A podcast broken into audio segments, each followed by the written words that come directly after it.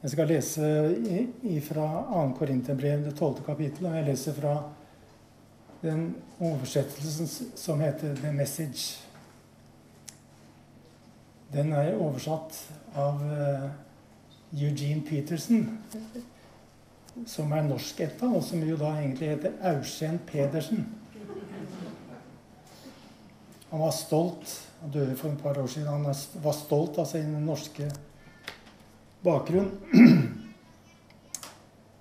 Men uh, han oversetter Bibelen på, på, på et, eh, et, moderne, litt mer moderne språk. Og det er vel sånn at uh, når vi leser i Bibelen, så kan det lett bli sånn at orda blir litt bleike fordi vi har lest det så mange ganger at vi ikke riktig høre hva som står, eller se hva som står.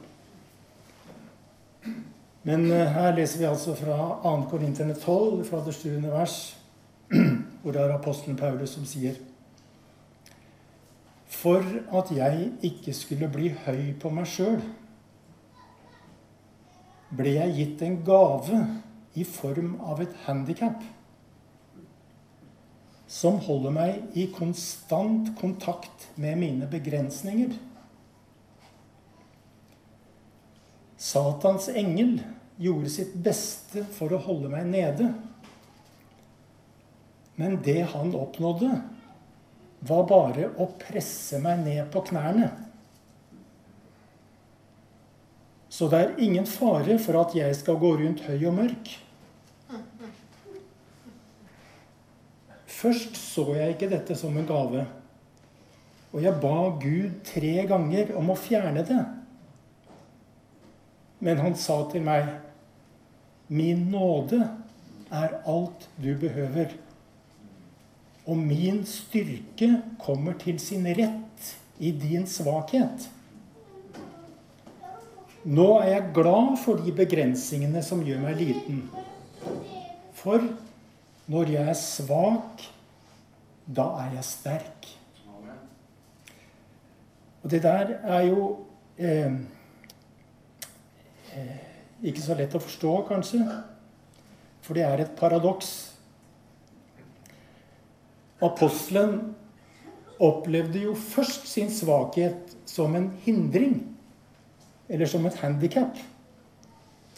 Men så erkjente han at i Guds rike er svakheten en landingsplass for Guds styrke. Og dette er jo ikke en styrke som vi kan flekse som store muskler. For Guds styrke gir seg til kjenne i mine begrensninger. Guds styrke gir seg til kjenne i det alminnelige. I det beskjedne. I det upretensiøse i det skrøpelige og i det ydmyke. Og denne styrken er ikke vår egen. Denne styrken er en gave. Derfor kan vi være glad for våre begrensninger. For våre begrensninger presser oss inn i bønn om hjelp. Ja, vi kan glede oss over våre begrensninger. Fordi det tvinger oss til å bli avhengige av Gud. På onsdags formiddag ved lunsjtider så sitter vi rundt lunsjbordet her i kirkestua bak meg. Og da er det flest veteraner til stede. Ikke bare, men flest veteraner. Veteranene er trena. Er krigsvante. Og det er folk som har vært rundt blokka før. Det er folk som vet hva det er som foregår. Og det er folk som har gått seg vill og funnet tilbake igjen. Og her fins det en styrke. En styrke som er dypt grunnfesta i menneskets skrøpelighet.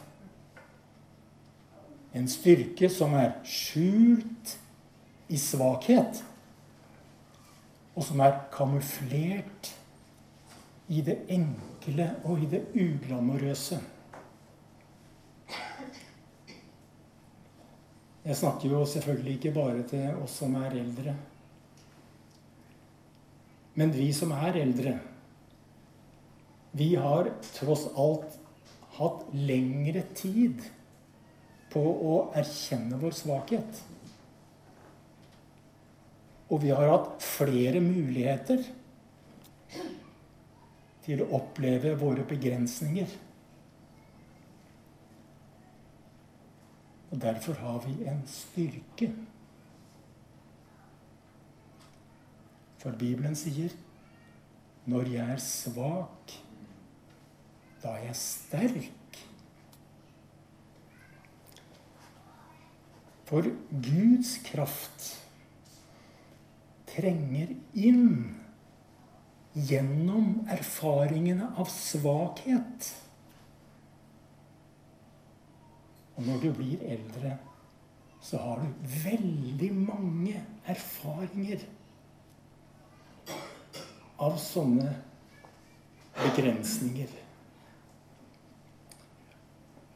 Og jeg vil understreke du er ikke sterk fordi du har erfaring. Men du er sterk fordi erfaringene gjør deg ydmyk. Du er ikke sterk fordi du har noe å skryte av i deg sjøl. Du er tvert imot sterk fordi du tviler på dine egne evner. Og du er sterk fordi du har blitt fortrolig med at du er bra nok som du er. I din svakhet. Og det som er avgjørende for den styrke som vi snakker om her, det er ikke hva du oppnår eller hva du vinner her i livet. Men det som er avgjørende for den styrke som vi snakker om her, det er hvordan du håndterer de sår, de skuffelser og de nederlag som livet bringer. For det er håndteringen av tap som gir mennesket dets karakter, ømhet og ydmykhet. Du er sterk fordi du gjennom motgang har kommet nærmere deg sjøl. Og dine sår som du bærer, har skapt en resonansbunn i ditt indre som gjør deg i stand til å lytte til en annen, til andre, med åpenhet og varme. Du kjenner mørket. Derfor vet du hva lyset er. Du kjenner synden. Derfor vet du hvor dyrebar tilgivelsen er. Sorgen har vært din ledsager. Derfor vet du hva glede er. Du har blitt sterk gjennom utholdenhet og trofasthet.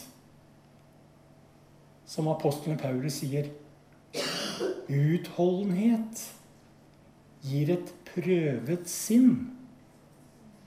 Og det prøvede sinn gir håp. Og selv forgjengelig gull blir prøvet i ild, skriver Peter.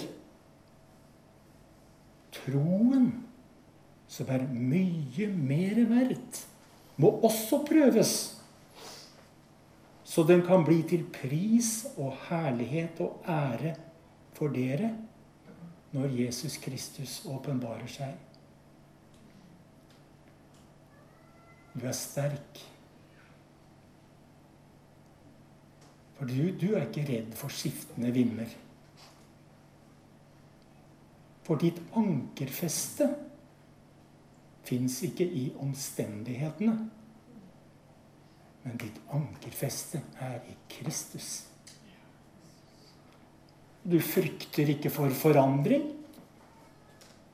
For du har ikke din identitet i ytre strukturer. Du har din identitet i Kristus. Du er sterk fordi du kan være sjenerøs. Og du kan være sjenerøs fordi du har blitt møtt med sjenerøsitet. Du tror på en stor nåde fordi den nåden du sjøl har fått, er veldig stor. Og Derfor kan du se på alle mennesker med ømhet.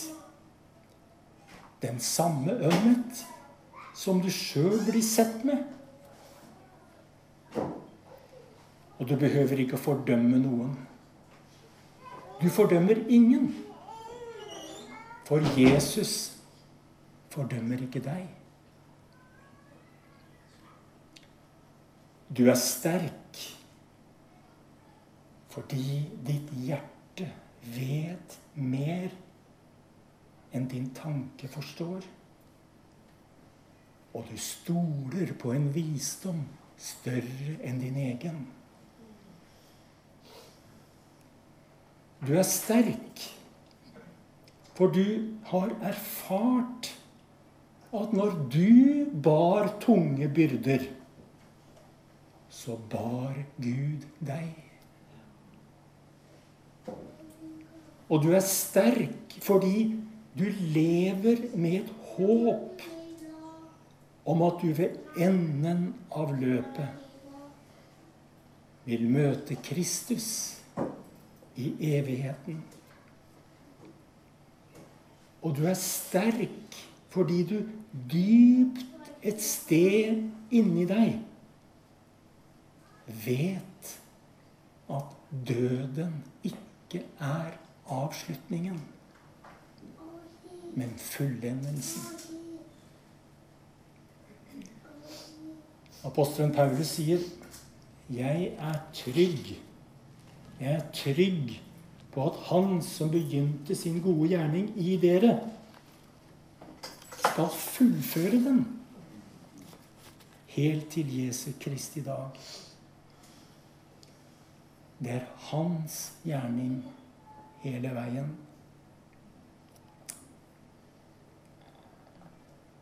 Du har kanskje ikke kommet så langt. Men du er ikke på samme sted som du var i går.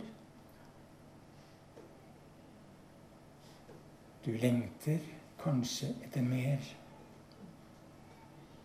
Men samtidig er du ikke blind for alt det du allerede er gitt. Derfor kan du takke. Midt i dine lengsler og drømmer. Takke for at han elsket deg først. Og du vet at selv om hjertet fordømmer oss, så er Gud større enn vårt hjerte og vet alt. Og du gleder deg. Du gleder deg over at du eier en uforgjengelig skatt i himmelen som er din. der tyver ikke kommer til, og møll og rust ikke ødelegger. Det fins en forestilling om at når du har lagt Å til alder, så har du lagt de viktigste og mest fruktbare dagene bak deg. Det stemmer ikke. I Lukasevangeliet, kapittel 2, møter vi Anna. Jeg vet at dere har lest om Anna. Det var hun som var til stede i tempelet nettopp da Jesus som spedbarn ble båret inn og framstilt for Herren, sånn som det står skrevet i Moses, Moseboken. Og vi leser det var en kvinne der som hadde profetisk gave. Anna, Fanuels datter. Hun var langt oppe i årene. Som ung hadde hun vært gift i sju år og hadde siden levd som enke til hun nå var 84 år. Anna hadde fått sin del av livets byrder.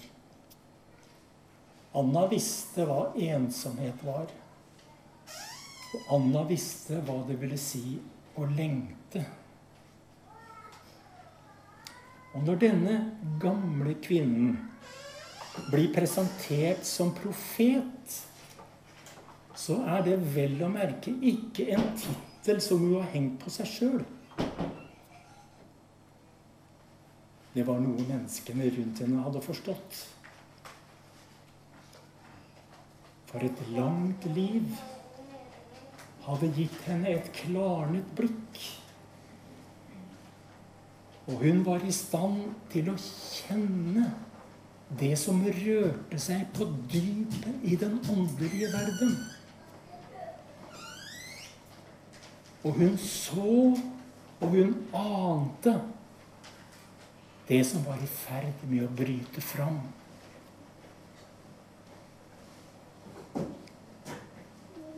Anna ble faktisk den første evangelisten det står at hun fortalte om barnet til alle som ventet på frihet for Jerusalem. Bibelens første evangelist var 84 år. Forfatteren Ellen Marie Wilkens Finseth skriver veldig vakkert om Anna. Hun skriver Anna var 84 år gammel. Kanskje kan det bli sånn hos oss også. Og hør Kanskje kan det bli sånn hos oss også. At en av de viktigste dagene i vårt liv er en dag som venter på livets høst. For én ting har alderen gitt deg. Du kjenner igjen Messias når han kommer inn i rommet. Når du blir eldre, så blir du åpenbart gråere, langsommere og mer usynlig. Men åndelig sett blir du aldri gammel. Og Bibelen sier at selv om vårt ytre menneske går til grunne, så blir vårt indre menneske fornyet dag for dag. Dere som leser Bibelen, har sikkert lest om profeten Jesaja som skriver om gammel, klaret vin. Det er den beste vinen, det. Det er den dyreste. For det er en vin der det meste av bunnfallet har sunket ned på bunnen. Jo da, det er fremdeles berme som ikke har sunket. Jeg vet. Men det er klarere enn det var. Og du er sterk. For i Guds rike, der er det ingen, ingen motsetning mellom svakhet og styrke. For når jeg er svak, da er jeg sterk. Så apostelen Paulus kan si Vær da sterk, mitt barn, ved nåden i Kristus Jesus.